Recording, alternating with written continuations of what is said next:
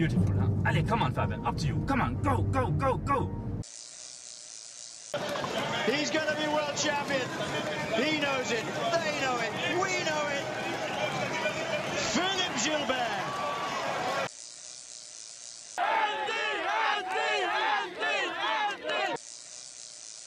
A brilliant win for Alberto Contador, and he's now race leader. Count him home, scream him on. We're doing so. Ah, he takes it. Joy for cycling fans globally. What an effort that was. This is a big, risky move by Andy Schleck, but he's got to take this move. Fabian Fabulous Cancellara. Froome crosses the line, a tremendous show of strength. Andre Greipel is proving he's got the power here this afternoon. Sagan is coming clear to get his first stage win at the first attempt. What an incredibly good ride by Cadell Evans that was today. Mark Cavendish gets four out of four wins in the last four years in Paris.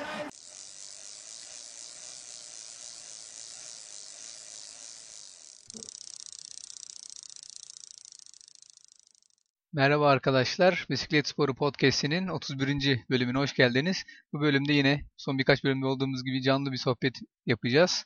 İşte bildiğiniz gibi Fransa turunun bugün 15. etabı koşuldu ve ikinci dağ zirvesini görmüş olduk. Bu tabii hem geçen haftayı biraz değerlendireceğiz. Yani etap etap değil ama genel olarak bir bakacağız. Hem de tabii özellikle bugünkü etabı konuşacağız. Özgür abi merhaba. Merhaba, nasılsın? İyiyim. Sen nasılsın? Teşekkürler, ben de iyiyim.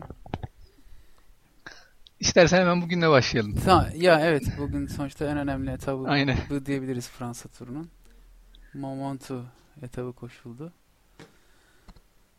Ve aslında biraz da beklenen oldu. Hani Froome çok rahat bir galibiyet aldı. Darcy Team Sky çok üstündü yine pelotonda.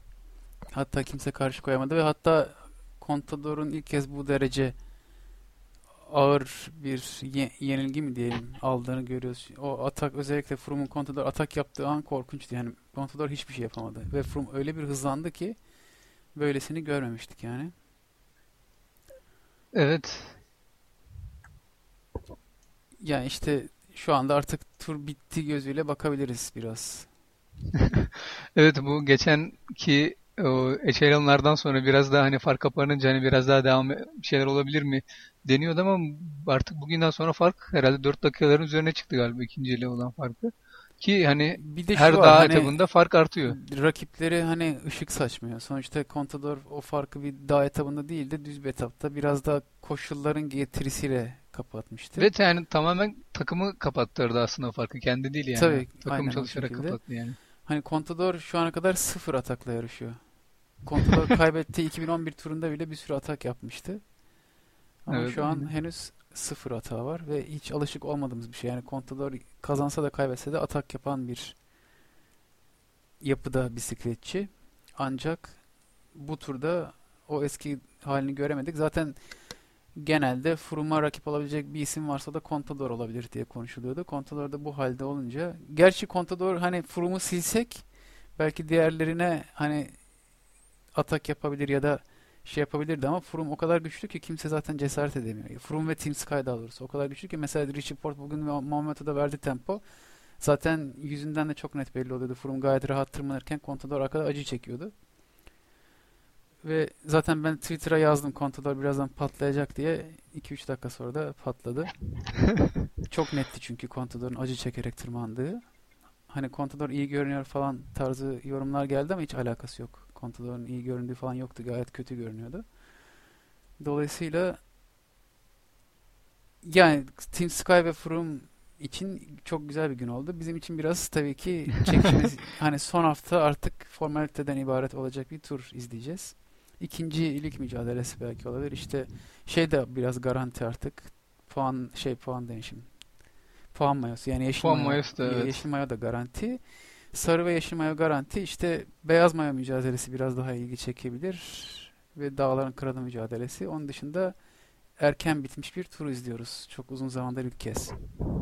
Yani Ya ben bir de şey diye düşünüyorum ya. Bu haftaya hani 4-5 gün neredeyse hep üst üste bir dağlık etaplar var ya hani ilk defa bu kadar herhalde üst üste koyuyorlar. Hani tabii hep hepsinde böyle zirve finish yok ama hani mesela zirveye işte pardon finish'e 10-12 kilometre kala işte birinci ikinci kategoriden tırmanışlar olan bir iki etap falan da var. Hani illa hani Froome yani ikinciliğe düşecek vesaire gibi anlamında değil ama hani atak vesaire açısından biraz daha yine bir şeyler olabilir gibi ya. Sanki.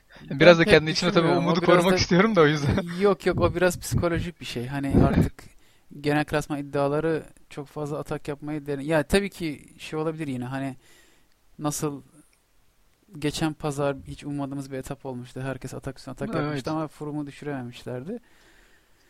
Ya Froome çok güçlü görünüyor. Sonuçta o atakların hepsine bir şekilde cevap verecektir diye düşünüyorum. Kaldı ki artık hani kalan etaplar o farkı yet her etapta atak yese her etapta zaman kaybetse bile Froome turu kazanabilecek farkı yarattı şu anda. Bir de bir tane daha zamana karşı etap olduğunu düşünürsek Evet. Hani Yani bir tek şey bir hani zaman diye eta- düşündüm.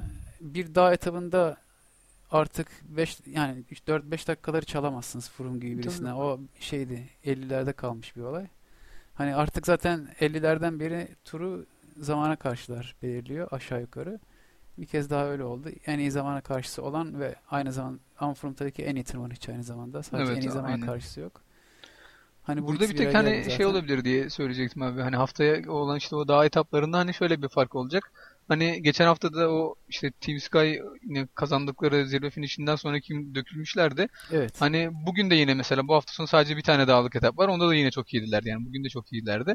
İşte haftaya tak yani Froome Üst üste zaten kaldıramıyorlar düz- evet, bir şey üst üste Evet, biraz takım arkadaşları belki biraz çökebilir. Hani öyle bir Ama şey işte görebiliriz. yarınki dinlenme günü tam da imdadına yetişti gibi bir şey olacak bu sefer. Yok evet evet. Yani o şey yani ondan sonra salı günü zaten biraz daha yani çok dağlık bir etap yok yine var ama ondan sonra zamana karşı işte ondan sonraki 3 gün önemli. İşte o perşembe, cuma, cumartesi 3 gün var. İşte onların bakalım hani takıma ne kadar belki yardım edebilecek o biraz şey. Yoksa Evet ama Ya- Froome kötü bir gün değil, kötü 4-5 gün geç- geçirmesi. Hani kötü bir gün geçirmekle bile kaybetmeyecektir o kesin. Bir de dediğin gibi hani diğer genel klasman iddialılar hiç ışık vermiyor Contador dahil. Hani atak yapmayı deneyemiyorlar bile. Çünkü o kadar yüksek tempo gidiyor ki Sky takımı. Kimse atak yapmayı aklına bile getiremiyor. Bir de Quintana yapabildi işte. Biraz aslında onu da Twitter'dan yazmıştım. Pantani Armstrong Reloaded falan diye. Pantani gerçi çok daha önce atak yapmıştı da. Şey Quintana'ya göre daha o Momento gelmeden çok önce atak yapmıştı. 2000 yılından bahsediyorum. 2000 yılında o ünlü Armstrong'un işte Ulrich grubuna atak yapıp Pantani'yi yakalayıp sonra Pantani ile birlikte etabı bitirmesi gibi olacaktı. O bile olmadı. Şey bıraktı gitti. Froome Quintana'yı evet. Armstrong orada etabı bırakmıştı şeye Pantani'ye. Evet, hatta Armstrong'un Zaten yazmış onu gördün mü? Evet. Evet, evet. Hey Froome işte yukarıda ödül yok. Şeyde Muhammed'de ödül yok gibi şey. O da enteresandı. Demek ki izliyor. Evet evet Yani o o şey bayağı ilginç. şey. yani. Ben Normalde o- Amerika saatine göre çok erken ama bayağı bu etaplarda hep atıyor tweetleri yani. Ve izlemesi çok enteresan. Ya düşünsene sen bir turu 7 kez kazanıyorsun. Sonra 7'si de elinden alınıyor ve hani nasıl diyeyim resmen tarih kitaplarından siliniyorsun. Her şeyin elinden alınıyor ve hala onu oturup izleyebiliyorsun. Bu gerçekten yani Armstrong hani çok sevile, sevilen ya da sev, nasıl diyelim tam şey hani çok sempatiyle baktığın insan hiçbir zaman olmadı da şeyi gerçekten çok merak ediyorum nasıl bir insan olduğunu. Hani o gerçekten farklı bir kişilik. Tabii canım çok hani psikolojik şeyi çok Hani farklı. ben olsam Tour de France'ın adını bile duymak istemem ömrümün sonuna kadar. Yani onun yerinde olsam mesela.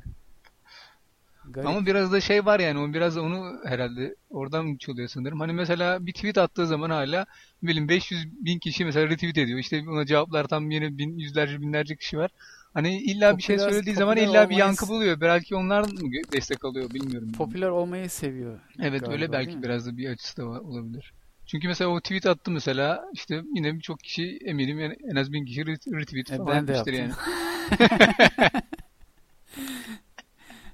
Aynen yani ben de ben sonradan gördüm de ben de yapardım yani.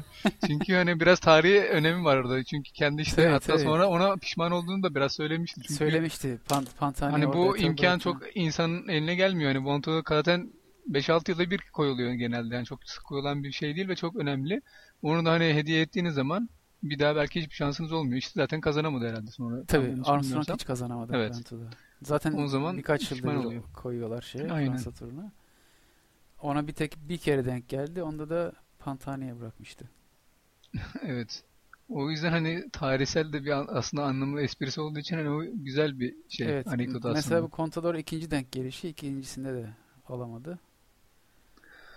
Evet Çok, ilkinde çok az şimdi o iki kez nasip olur bu Tabii. Momento'yu Monto'yu e, Fransa turuna tırmanmak. aslında Şile'ye de ikinci kere denk gelmiş oldu ama o da Evet, Schleg ama ne çok kadar kötü erken gördük aslında. ya. Daha tırmanış hani başlamadan düştü neredeyse o derece. Evet o çok ilginçti. O şeyi gör, yakaladıysan abi şekilde, o, Pierre Roland aynı şekilde. o şey Şile'nin birkaç saniyelik o görüntüsü çok ilginçti. Hani yolun kenarına Değil çıkmış mi? yani. Yol Düşüyordu dışına çıkmıştı. neredeyse. Çok ilginç yani. Sendelemeye başlamıştı. Hani sanki böyle son 500 metre, 1 kilometrede belki yani bittiği Evet, zaman evet. enerjisi olabilecek bir şey. 15 kilometre Şey kala de neredeyse. olabilir. Oraya kadar çok hızlı geldiler Evet. ve o da onu bitirmiş olabilir. Yani peloton içinde saklanmıştır diyeceğim ama bilemiyorum hani. Yani sonuçta 10 çok zaten 10 yıpranmış. dakika geride geldi. Evet şimdi Evet, tekrar evet. baktım da çok yani Evans öyle artık o da iyice zaten bitti. Evans 8-9 zaten dakika o da evet, o geride. da tırmanışta direkt ilk geride kalanlardan biriydi. Hani ilk favoriler grubu oluştuktan sonra ilk düşenlerden biri. Ben beni bugün Valverde şaşırttı. Evet ben de Valverde atak yapıp Quintana Aslında sonra kalır diye bekliyorduk aslında herhalde genelde. Günün aslında Contador için çok nasıl diyelim moral bozucu olan şey Froome'dan öte Nieve'ye bile tutunamamış olması. Yani Nieve Ki Nieve kadar de önde Tabii önceden tabii, ne kadar yapmış yani. çalıştı Contador'la birlikte ve hatta sen de tweet atmıştın. Ha, Nieve seneye Saxo Bank'ta diye. Gerçekten de çok yardımcı oldu. Hiç Contador öne geldiğini görmedik orada. Bırakmış gelmiş. Nieve kendisi Evet. üçüncü oldu yani. Hatta Nieve şey de geçmiş evet. Contador'u. Rodriguez. Sonra Rodriguez son 1 kilometre atak yapıp o yakaladı. Zaten şey Evet, gördüysen Nieve ile kapıştı onlar şey için. evet Contador yine Kreuziger'le geldi. Hani Evet. hiçbir anlamı kalmadı önceden Froome'un peşine takılmasının. İşte bu şey burada biraz olmazsa o Skyno taktiğine de biraz daha değinelim. Hani o nasıl tam böyle hani boğ, boğucu bir taktiği var. Hani ilk kilometrelerde mesela 20 kilometrelik tırmanış ama ilk 5 kilometre öyle bir tempo veriyor ki hani o tempoyu 20 kilometre devam ettiremeyecekler ama önemli olan orada Evet. dökebildiğini döküyor. Çünkü bir daha geri gelemeyecek yani birçokları Evet. onların. Orada Öyle bir taktik aslında ya. mesela Le Monde'un bir taktiği vardır. Contador onu biraz uygulasa belki daha iyi olurdu. Hani eğer tutunamayacaksan bırakıyorum diyor. Kendi tempomda çıkıyorum ve böylece daha az zaman kaybediyorum aslında şeye. Evet işte Liderlere. mesela bu şeyde söylemiştik yine geçen haftaki etapta Molema'da erken düşmüştü ama etabı yine ikinci üçüncü bitirmişti geçen Evet. hafta. Hani o çünkü kendi tempomda hatta demiştik hani sonradan da insanları geçerken motive oluyorsunuz diye falan da söylemişti. Evet. Hani o burada mesela şey gördük o e, Molema grubu işte zaten hep tendam çekti orada da biraz enteresan bir durum. Zaten Tendam hep daha şeydi, diriydi. Evet. Molema zor tutunuyordu oraya değil mi? daha Port'un çektiği anlarda Contador zaten aslında şeyini aşmıştı. Hani laktat eşiğini aşmıştı. Şeyle gidiyordu. Hani bitmesi Aynen, an kırmızı. meselesiydi. Evet. Kırmızı bölge çoktan geçmişti. Daha Port çekerken. Bırakın Froome'un atağını. Evet işte o yani belki şimdi bakıyorum ne kadar kaybetti Contador 1.40 kaybetmiş oldu hani Froome'u. Belki işte o Molema grubu ya da işte Kreuziger'le falan kalsaydı belki bir dakika kaybedecek tane ama işte o gerçi şansına Nieve vardı. O da olmasa iyice harap bir tap Tabii, olacaktı tabii, oralarda. Niye ve O çünkü çekti bütün yol. Tabii. Aynen. Aynen o şekilde. Ee, orada işte Böylece Hı hı. Heh, o hani o işte dediğimiz o bo dediğimiz o boğucu taktik o biraz öyle hani önce Peter Kenyek çekti sonra Port ve zaten Port çekerken 3 kişi kaldı sarı grubu. Bir tek Contador tutunuyordu. Ve hani Port'la çekilince Froome yine bir atak yapıp Contador'u silkeledi ve kendi çıkmaya başladı. İşte taktiği o. Hani aynı şekilde Quintana'ya da birkaç kere denedi başaramadı ama en sonunda son kilometrede onu da zaten döktü. Zaten işte etap galibiyeti de böyle geldi. Yani onların çünkü amacı şey değil hani belki düz bir tempoda çıksa belki ne bileyim biraz daha iyi bir sürede gelebilir ama önemli olan rakiplerini dökmek. O yüzden işte böyle bir taktik benimsiyor onlar da. İşte burada da yine Sky başarılı olmuş oldu aslında. Şimdi bir dakika şeye bakalım. Bir tane arkadaşımız yazmış bu yayınımızın sayfasına Pisken 98 isimli arkadaş. Contador'un bir planı olamaz mı hala diye. Yani bundan sonraki için. Yok. Hani biraz de, değinmiştik aslında evet. Hani çok zaman farkı biraz fazla. Hani onlar işte biraz daha hala şey bir dezavantajları mesela Contador ya da Saxo Tinkoff diyelim. Hani Froome'a göre mi hesap yapacak yoksa işte Molema'ya geçmeye mi yapacak gibi bir durum var. Ki aslında hani Molema ile arasında mesela sadece 10 saniye fark var. Hani aslında daha çok he- odaklanabilir ama fark fazla olduğu için biraz risk alarak bir plan yapmaları lazım. Öyle olunca da ya yaklaşacaklar komple geri düşecekler birkaç sıra. İşte onu da göze alamıyorlar ve zaten Contador'un durumu hiç yani gördük hani atak bile yapamadı diye söylemiştik. Hiç deri gözükmedi. Ki hani Kreuziger erken düşüp hani Molema grubuyla geldi. Sonra yine Contador'a yakalayıp onu finish'e getirdi yani. Hala işte Kreuziger de zaten çok yakın zaman olarak Contador'a. O yüzden yani onların şey durumu çok yani evet İlla bir şeyler çıkabilir. Hani işte bu hafta içi gördüğümüz gibi işte düz etaplarda vesaire inişlerde yağmur mesela hiç yağmur yağmadı. Bu 15 etap oldu. Hala yağmur yok. Hani yağmurlu inişlerde falan mesela Sky'ın da belki zor durumda kalabileceği durumlar da olabilir ama hani bireysel olarak tırmanış ya zamana karşı olarak işte evet yani Froome karşısına çıkan şu ana kadar hiç insan olmadı. İşte bir tek Quintana var. O da ilk hafta kaybettiği zamandan ötürü biraz daha geride. O da pek yani şu anda tehdit etmiyor Froome'u. O yüzden Evet yani çok kolay değil. Onu öyle söyleyebiliriz. Başka bugün neye kimler mesela biraz daha iyiydi? İşte Tendam mesela söylemiştik onu abi. Hani neredeyse 7-8 kilometre o çekti o grubu. Hani belki orada yine Molema'yı lider olarak hala tutuyorlar galiba ama belki Molema çekip Tendam biraz atak yapsa belki daha da iyi bir sürede bitirebilirlerdi ama onların planı da işte Molema'ya göre muhtemelen belkinde. Evet. Başka mesela yine işte Fuglsang var. O da 6-7. sıralarda takılıyor düzenli olarak. O da yine Molema grubuyla zaten geldi. İşte Rodriguez yine son bu sefer yani bu turda galiba, galiba ilk kez gördük kendisini zaten. Hep arkalarda kalıyordu. İşte Nieve ve Rodriguez beraber geldiler. Onlar da yine iyi gözüktü bugün. Hmm, onun haricinde başka hani çok şeye bahsedecek bir isim yok herhalde. Hani Şilek'le zaten Emmons bayağı çöktü diye söylemiştik. Kwiatkowski var mesela. O da aslında çok fazla yine zaman kaybetmedi ama tabii Quintana'ya karşı beyaz mayı koruması çok zor bu dağlık etaplarda. O da 3 dakika falan fark yemiş. Yani durum böyle. Garmin Sharp'ta mesela şey oldu. Ee, Talanski yine erken geride kaldı. Ben Martin de tutunamadı. Sonra biraz o Valverde ve Rodgers'la yani o grupla beraber geldi ama yine 2,5 dakika geride kaldı. Yine de ilk onda şu an itibariyle. Hani durum bu şekilde gibi gözüküyor. Yani aslında geçen haftaki dağ etabına göre pek bir değişiklik olmadı. Sadece işte işte Valverde yerine Quintana vardı Movistar'da. Onun yerine Saxo Tinkoff belki iki isimle geldi. Çok farklı da bir değişiklik olmadı diyebiliriz bugünkü etap için. O zaman abi başka yoksa senin ekleyeceğim bugünkü etap biraz hafta içine konuşalım istersen. İstersen bir yeşil mayo muhabbetine başlayalım. Evet. Hani hazır yeşil mayo da aslında çok belli biraz. Bugün Sagan'da bir kez daha 20 puanı topladı atak yapıp hani çok fazla bir şey kalmadı artık yeşil mayo konusunda konuşacak.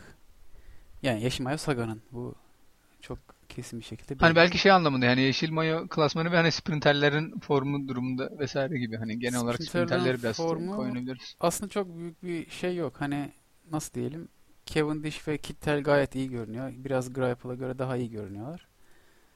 Ama işte hani iş, yeşil puan için puan toplamaya gelince Sagan yine hala ilk 2'de ilk 3'te kalmaya devam ettiği için bir şey değişmiyor. Yeşil Maya Sagan'da açık farklı. Bugün topladı 20 puanla mesela gene 4-5 etapta top kapanan farkı bir etapta gene açtı. o açıdan işte Cavendish 3 etabını pardon düzeltiyorum ikinci etabını kazandı bu turda ve şeyi Hı-hı. yakaladı. Alfredo Binda'yı değil mi? Genel Binda da evet sanırım Binda'yı yakaladı galiba. Binda ile birlikte toplam hemen bakayım on olmazsa da Binda ile aynı seviyede olması lazım. Yani evet 40 kaç oldu? 25 40-43 etapı galiba. Binda ile aynı aynı sayıda sanırım. Zaten Binda da 42 neredeyse hepsini Ciro'da kazandı galiba zaten. Hani öyle bir şey vardı. 42 ya da 43 olması lazım. Hani masa bakayım ben ama hani ya aynı ya bir gerisinde ya da bir ilerisinde gibi bir durum. Evet yani sonuç olarak Cavendish büyük ihtimalle önünde şu an mesela Fransa turu için konuşacak olursak Bernardino ve Eddy Merckx kaldı. Onları da yakalama yolunda ilerliyor gibi görünüyor. Evet şimdi baktım tekrar Binda ile beraber 43'er etap galibiyeti var. İşte onların önünde Petacchi 48, Cipollini 57, Merckx ama 64 tane daha oraya bayağı var. Biraz evet. daha. Gerçi tabii şey de diyorduk aslında hani Cavendish bu her sene turda 5-6 etap kazanma hızıyla gitse hani birkaç senede hani Giro'ya da katılıyor sonuçta. Hani o farkı kapatabilir diye diyorduk, ama işte bu sene biraz çok işler yoluna gitmedi şu ana kadar. İkinci etaptaki galibiyeti de biraz daha hani yani tabii şey çok toplu bir sprint finişinden gelmedi aslında. Ve hani e, şey oldu. Yani mesela Kittel'e karşı geçilme, geçildiği etap biraz şeydi. Evet. Hani biraz hayal kırıklığı yarattı aslında Kevin Nash hayranları ben gördüm. Çünkü hani orada mükemmel bir lead out aldı hakikaten neredeyse. O hani şey Gert Stegmans tarafından hani daha da iyi bir yerde atak yapamazdı muhtemelen çıkamazdı sprinter ama Kittel yine geriden gelip geçti ve hani hakikaten orada üçüncü etapını aldı Kittel'de. Bu şu ana kadar çok iyi. Onu da öyle bahsetmiş olalım. Başka bir de istersen abi kısa şey sorayım ben sana. Bu işte eşelonların olduğu etaptaki e, kararları ya da işte takımları nasıl değerlendireceksin? Yani mesela o yine hani bekleme durumları, beklese mi, beklemese mi vesaire gibi şeyler vardı. Bilmiyorum hani sen nasıl gördün ama bir onu sana sorayım. Bakalım sen nasıl gördün o etabı? Yani zaten Kittel'in koptuğu zaman hani onu bekleme gibi bir durum yok zaten. Hani o Yok hayır tabii öyle bir şey söz konusu onu zaten da. konuşmaya bile gerek yok. Bir tek işte Valverde'nin durumu biraz ilginç. Yani onu beklememeleri ya o da sonuçta mayo taşımıyor bence beklenmemesi şey o- hani orada da bence etiğe aykırı bir durum yok. Söylemiş Ama olayım. işte o zaman biraz da şöyle bir durum oluyor ya. Hani ki hani bak onu da geçen şeyde görmüştüm. Ee, geçen hafta ilk haftadaki bir etapta da hatta şeyin bu Saga'nın Kennedy'nin tempo verdiği etapta da olmuş benzer bir durum. O ara hani Kennedy'nin tempo vereceğini bilmeden hani işte ihtiyaç molası falan veriyorlar ya ilk 50-100 metre, 100 kilometrede. Orada bir mola vermiş Movistar ve Dan Martin de varmış orada. Ve moladan döndükleri zaman Kennedy'ye tempo vermeye başlamış o ara ve yakalayamamışlar bayağı bir süre. Sonra zor yetişmişler. Ama hani böyle olursa da şey olmaz mı gibi geliyor. Ne bileyim hani kim mola verse o zaman diğerleri bir tempoyu arttırırsa bir daha hiç yakalayamayacaklar. Hani biraz da öyle bir durum var. Hani nerede ne zaman ya da mesela ne bileyim hiç Contador lastik patlatmayacak mı? Hani pa- patlatırsa mesela Movistar tempoyu arttırırsa bir daha Contador yakalayamaz. Hani biraz öyle bir ilginç durum var. Hani o etap biraz daha evet farklıydı Ya- yapısal olarak hani e, tempoyu düşürmemeleri lazım hani eçalonların kurulması açısından ama ne bileyim hani orada bir Valverde 10 saniye falan gerideydi bir ara gösteriyordu hani önlerini görüyorlardı. Hani onlara belki izin verecek kadar hafif bir yavaşlatabilirler miydi diye düşündüm ben aslında. Çünkü biraz şey gibi hani dediğim gibi eğer böyle olursa bundan sonra diğer etaplarda da biri lastik patlatırsa ya da ne bileyim mola verdiği zaman tekrar yakalaması bayağı zor olur. Evet yani sonuçta Yani neye şey göre ayırt edeceksin o zaman? Biraz da öyle bir durum var sanki. Hı hı. Ya ama ben işte gene de bu konu çok abartılmaması gerektiğini düşünüyorum. Sonuçta hani hmm, ya o zaman çok fazla şey işin içine giriyor. Hani her şey bekle her şey. Yani sonuçta Valverde bence orada bir şanssızlık yaşadı. Orada biraz zaten Valverde şeye kızmış. Europe Car'a kızmış. Europe Car daha çok tempo yaptı falan diye. Evet öyle bir şey de vardı. Hani zaten Saxo Tinkoff orada biraz beklemeye çalışmış ama işte yani bekleyelim falan derken hani tempon yükseldiğini görünce farklı belli bir şeyin üzerine çıkınca bu sefer kendileri atak yaptılar. Orada asıl konuşması gereken Saxo Tinkoff'un zamanlamasıydı. Hani çok akıllıca bir Evet. atak yapıp böldüler ama bugünkü etaptan sonra onda çok fazla anlamı kalmadı. İşte orada şey yaptılar rüzgardan faydalanıp ve Daniele Bennati gibi çok güçlü bir klasikçinin grupta var olması yani ön tarafta var olmasının avantajından faydalanıp çünkü Bennati hem iyi bir sprinter hem iyi bir klasikçi yani hem yüksek tempoda uzun süre sürebiliyor hem de anlık patlayıcı gücü çok yüksek. Zaten şey Roche pardon Rogers Rogers Rogers. bağırmış Beno go go go falan diye. Benati hemen atağını yapınca da hemen arkasından grup koptu ve Sky gelemedi. İşte 1 dakika 9 saniye orada kazandılar ama bugün fazlasıyla Sky onu geri aldı. Evet yani aynen. Orada zaten şey Saxo Tinkoff da demişti hani Valverde'nin geride kaldığı zaman biz öne gelmedik ama hani o arka gruba geldiği zaman artık senaryo biraz farklı duruma geldi. O yüzden biz de uygun gördüğümüz anda hata yapıp işte pelotonu bir daha böldük diye. Hani evet orada çok mantıklı e, davrandılar. Hakikaten iyi yani hakları vermek lazım. Zaten bu işte geçen sene de Vuelta'daki yine hep söylüyoruz Contador'un yani turu kazandığı etap vardı. Hani orada bir racing takım takımlarında hep böyle şeyler olabiliyor. Hani orada haklarını evet, hakikaten teslim edelim. Çok iyi bir strateji izlemişlerdi. O ama şey oldu yani orada etapta da yine düz etap hani hiç kategorize tırmanış yok ya da bir tane falan vardı galiba. Ama hani bütün etap bayağı heyecan dolu ve tabii çok yüksek tempoda geçti. Hani böyle şeyler de görebiliyoruz ara ara. O da hani güzel olmuştu. Ben yani Valverde adına üzüldüm çünkü yani hiçbir hatası yok. Lastik patlatmış ama birdenbire hiçbir iddiası kalmadı yani o biraz yani kötü oldu biraz da hem yani şanssızlık hem de tabii diğerlerinin tercihine göre ama onun dışında e- etap evet bayağı heyecanlı geçmişti. Ee, burada Eyüp Engel bir soru sormuş. Bilmiyorum görüyor musun abi sen sayfada? Ee, şey diyor. Bundan sonra Quintana atak yapınca peşine Froome mu gider yoksa Contador mu gider? Contador gidemez. O kesin. Yani Contador gitmek istese bile gidemez. Froome içinde gitmesi için ama sonuçta hala Froome'u tehdit edebilecek bir isim varsa da Quintana olduğuna göre Froome takip edecektir Quintana atak yaparsa evet. Yani şöyle olacak muhtemelen bugünkü gibi yani erken atak yaparsa ve takım arkadaşı varsa onları da kullanacak Froome. Onlar bitince ondan sonra zaten tempoyu artırınca muhtemelen hani ya yakalar Quintana'yı ya da yakalamasa bile hani öyle 5 dakika fark yiyecek kadar bir durumda olmaz. Hani aynı bugünkü gibi olur muhtemelen. Yani diğer türlü eski Contador olsa gitmek ister ama hani gidemiyor maalesef evet. O yüzden hani bunu aynı bugünkü gibi olacak muhtemelen sonraki etaplarda Evet. da. Bir de bizim bu sorular vardı abi ama onlara bakabilecek Ya miyiz? onlara Şimdi yok sonra kısaca okuyorum. çok kısaca değinelim. Tamam.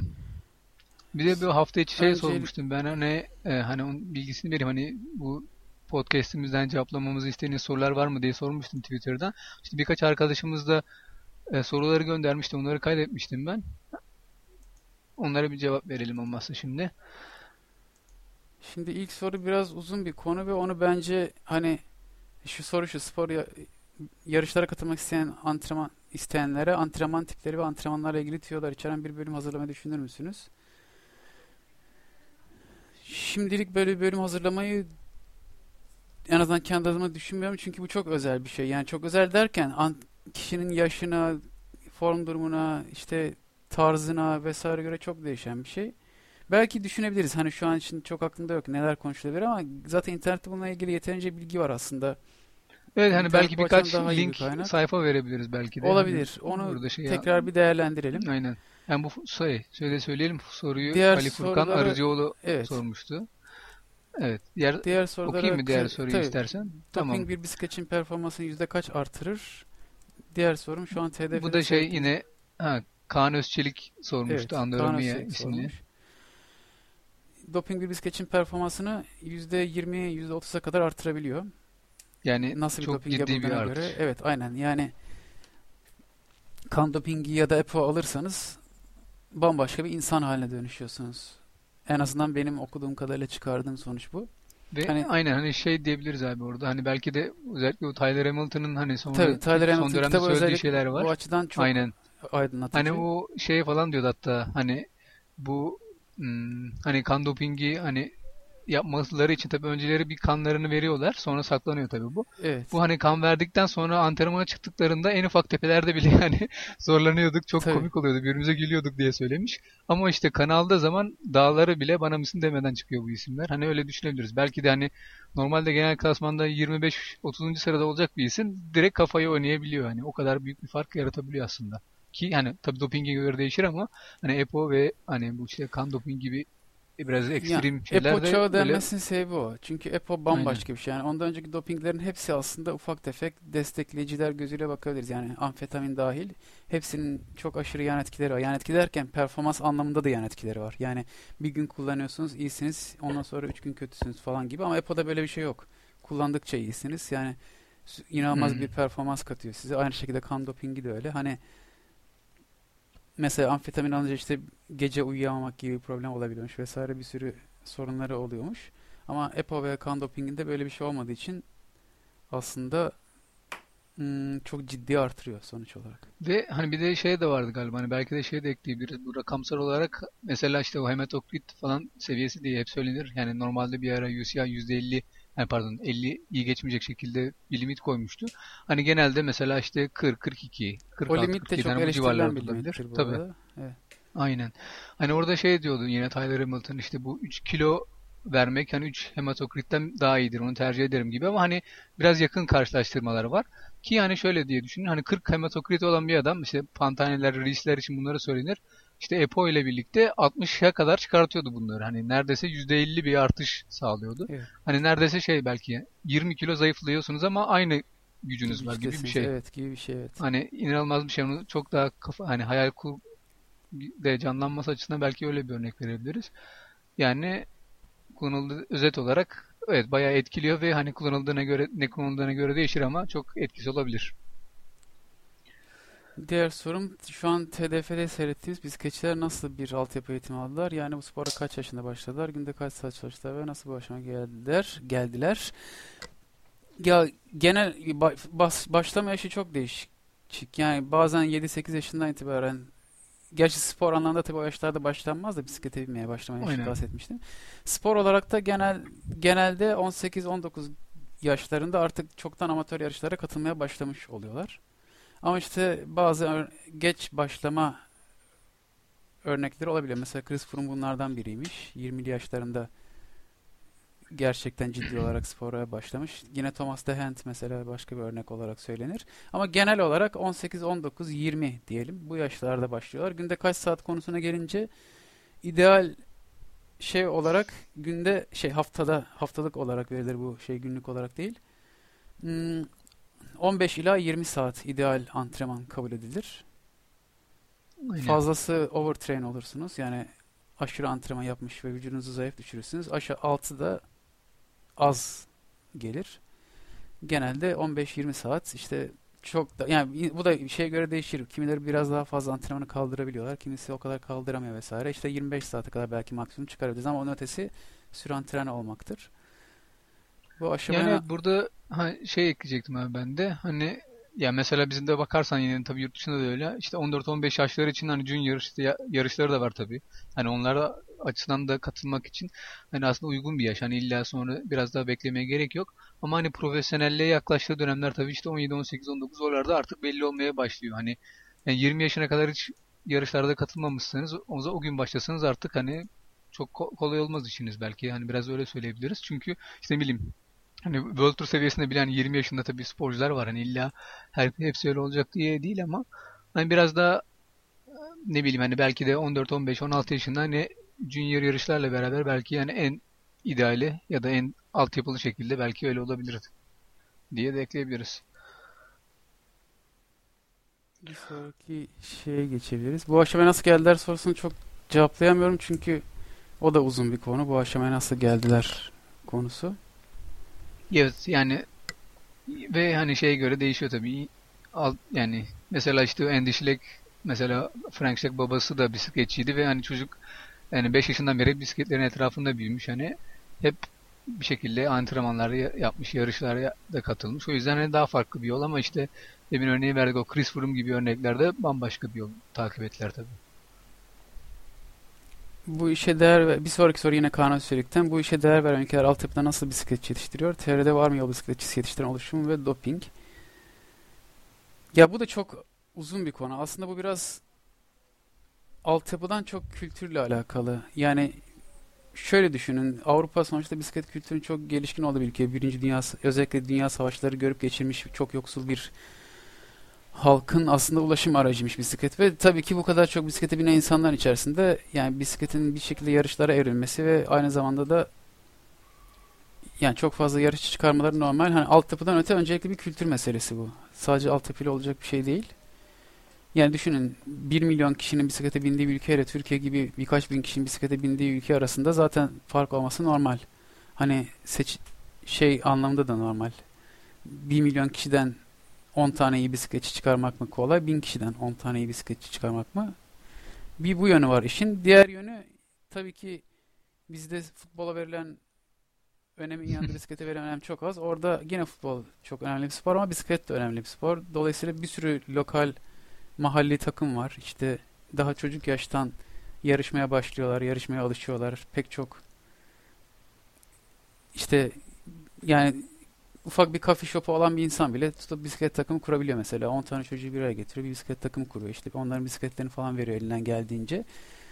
Hani dolayısıyla orada da çok büyük yatırımlar yok böyle onu demek istiyorum. Hani tutup da mesela bir Fenerbahçe, Galatasaray gibi bir kulüp tutup da şey yatırım yapmıyor hiçbir zaman. Bisikletçi yatırımı yapmıyor. Onlarda da hani Milan kulübünün tutup da böyle bir şey yok. Ama işte kültürel olarak ve halkın içindeki yeri bisikletin o kadar önemli ki zaten bir şekilde o küçük takımlarda, mahalli takımlarda yeterince çocuk ve genç bisiklet yapıyor ve bunların en iyileri bir şekilde profesyonel takımlara daha sonra yer bulabiliyor. Oralara transfer oluyor diyelim. Genelde bu Aynen. şekilde oluyor. Hani zaten öyle çok altyapı sporu değil bisiklet. Hani sonuçta şey bir bisiklete bakar işte malzemeye bakar falan hani stat gerekmez şey gerekmez hani yol gerekir yolunuz yoksa şöyle ufak bir anekdot aktarayım bu Köhli pardon Guimar mıydı ikisinden biri şeyde okumuştum Köhli'ydi sanırım Slaying the Badger'da okumuştum Kenya'ya işte Kenya'da bir oluşum başlatılacakmış bisiklet takımı kuruluyormuş oraya gidiyor onun başına getirmek isteniyor. Gidiyor bir hafta sonra geri dönüyor. Pardon bir ay sonra. Sebep şu hani yol bisikleti sporunu yapmanız için öncelikle yol gerekir. Yol yok. Kenya'da yol yok sonuçta. Hani böyle bir şey var. Altyapısı aslında yol Türkiye'de yeterince var. Ve kalitesi de çok kötü değil genelde düşünülenin aksine. Ama onun dışında kültür yok ve bisiklete binilmiyor. Sorun bu. Bizdeki sorun bu. Aynen yani illa profesyonel anlamda binilmesi gerekmiyor. Hani genel olarak bisiklete binilme Tabii. şeyi de çok düşük olduğu için hani onların bir kısmı diyelim hani profesyonelle geçiyor bile olsa o oran zaten iyice düşük kalmış oluyor. Hani böyle bir fark var. Ve işte hani mesela şey de belki örnek olarak verebiliriz. Hani özellikle işte Hollanda, Belçika gibi, İtalya gibi ülkeler biraz daha mesela Almanya'da, İsviçre'de sayalım. Hani daha öne çıkıyor bu kültür anlamında. İşte İngiltere o kadar çok değildi. Yavaş yavaş onlar da artık içinde hatta. Ama mesela hani bu işte Cavendish'lerin işte Chris Boardman'ların yetiştiği dönemlerde işte 90'ların başında falan 80'lerin sonunda bile hani oralarda hani çok hiç altyapı yoktu vesaire dendiği durum bile şöyle. Hani her şehirde bir illa kulüp var. Bir bisiklet kulübü var. Ufak bir yarışlar düzenleniyor. Hani sen ona gidip işte katılıyorsun bir şekilde yarışlarda yer alıp antrenman yapabiliyorsun. İlla birileri var bu işlerle ilgilene. Ama hani bu kadar profesyonele çok çıkan yok. Hani illa bir aslında oluşum var. Hani bizim şu anki durumda öyle bile değil hala. Birçok şehirde belki hani mesela bazen bana da soranlar oluyor. İşte ne bileyim 15-16 yaşındaki çocuklar için hani bu spora başlamak için ne yapmam gerekiyor diye. Hani gidip işte ilçendeki ya da şehrindeki bisiklet kulübüne üye ol, işte oraya bilgi al gibi bir şey söylemen lazım ama hani birçok şehirde böyle bir oluşum maalesef yok. İşte öyle bir sıkıntı var. Evet. Önümüzdeki sıkıntı Dolayısıyla bu. sorunun ikinci kısmında cevaplamış olduk. Türkiye'de var mı yol bisikletçisi yetiştiren oluşum? Yok diyebiliriz. Yok. Ve doping O kısmı o soru yarım kalmış galiba. Tam bilmiyorum o kısmı. evet. Onu Sanırım doping yapılıyor mu anlamda sorduysa Türkiye'de evet yapılıyor. Geçelim. Ee, bisiklete de Onur Onur Narinoğlu'nun birkaç Evet, Onur Narinoğlu'nun birkaç tane sorusu var. Bisiklete O da sıfırdan benzer bir şey. başlayıp bisikletçinin olgunlaşmaya ne kadar zaman alıyor? Birkaç yıl alıyor işte yani hmm, 13-14 yaşında başladığını ve 18-19 yaşında da hani ciddi olarak yarışmaya başladığını varsayarsak işte ve 20'li yaşlarda da profesyonel bir takıma girdiğini düşünürsek 8 7-8 yıl gibi bir şey alıyor. 20'li yaşlarında bisiklete başlayan sporcular var mı? Basketbolda NBA ve milli takım seviyesinde var çünkü. Evet var. 20'li yaşlarda da bisiklete başlayan, çok geç yaşlarda başlayan sporcular var. Ve hatta profesyonel seviyeye kadar çıkabiliyorlar. Ama bu biraz da genlerle alakalı. Hani zaten şeydir, keşfedilmemiş yetenektir diyebiliriz sonuçta. Evet ve şey hatta sanırım tam onun yaşını bilmiyorum da işte bu Jens Voigt da bayağı geç başlamış. Yani belki 20 değil de 17-18 de olabilir tam bilmiyorum. Hani herhangi bir bisiklet anlamındaki bir spora. Ve hani o yarışlara başlayana kadar tabii 23-24 yaşlarına kadar gelmiş. Hani biraz da şey diyordu hani biraz da bu nedenle hani bu Hala kadar devam geç ediyor. yaşına Evet, kadar evet. evet. Bir, bir faktör de o diyor. Bir Başka sonraki bir- soru Ha, ülkemizin tamam. sporcusunu bir takım neden transfer etsin? Dil bilmezler, iz bilmezler. Katıldıkları organizasyonlar da belli. Ya dil problemi aşılır bir şekilde. Hani o kültürel problem çok önemli değil de sonuçta bizde şey yok. Bir takım der, yabancı bir takım derken sanırım profesyonel seviyedeki takımları kastediyorsak o seviyede sporcumuz yok. Hani transfer edip de neden transfer etsin sorusuna aslında bu şekilde bir cevap verilebilir. Dil problemi hani sonuçta siz yeterince iyi bir sporcuysanız zaten onu çok Evet, dert hiç ona etmezler. bakmıyorlar. Evet. Yani bulup mesela Peter Sagan'ı ilk getirdiklerinde hiçbir şey hatta şimdi İtalyanca falan biliyor ama aslında Belki onu da şu bilmiyordu düşünülebilir. muhtemelen. Futbolla bir analoji kurup bizde çok başarılı olan futbolcular bile yurt dışına gidince başarısız oluyorlar. Bu da aslında biraz kültürel sebeplerle alakalı olabilir. Hani bizim sporcular gerçekten gittiklerinde hem dil öğrenmiyorlar hem bir şekilde oranın hayatına uyum sağlamaya çalışmıyorlar. İşte biraz da şeyle alakalı bu. En azından futbolcular için Türkiye çok kolay bir ülke futbolcular açısından. Hani yattığınız yerden neredeyse para kazanıyorsunuz. Doğru düzgün antrenman bile yapmadan işte ismini vermek istemediğim bir futbolcu şu anda yani vermek istememin sebebi sadece şey için hani yoksa sevip sevmediğimden değil gidip mesela işte yabancı takımda 8-9 kilo verip birazcık sporcuya benzemişti. Hani Türkiye'deyken böyle göbeği kendisine önce koşuyordu falan.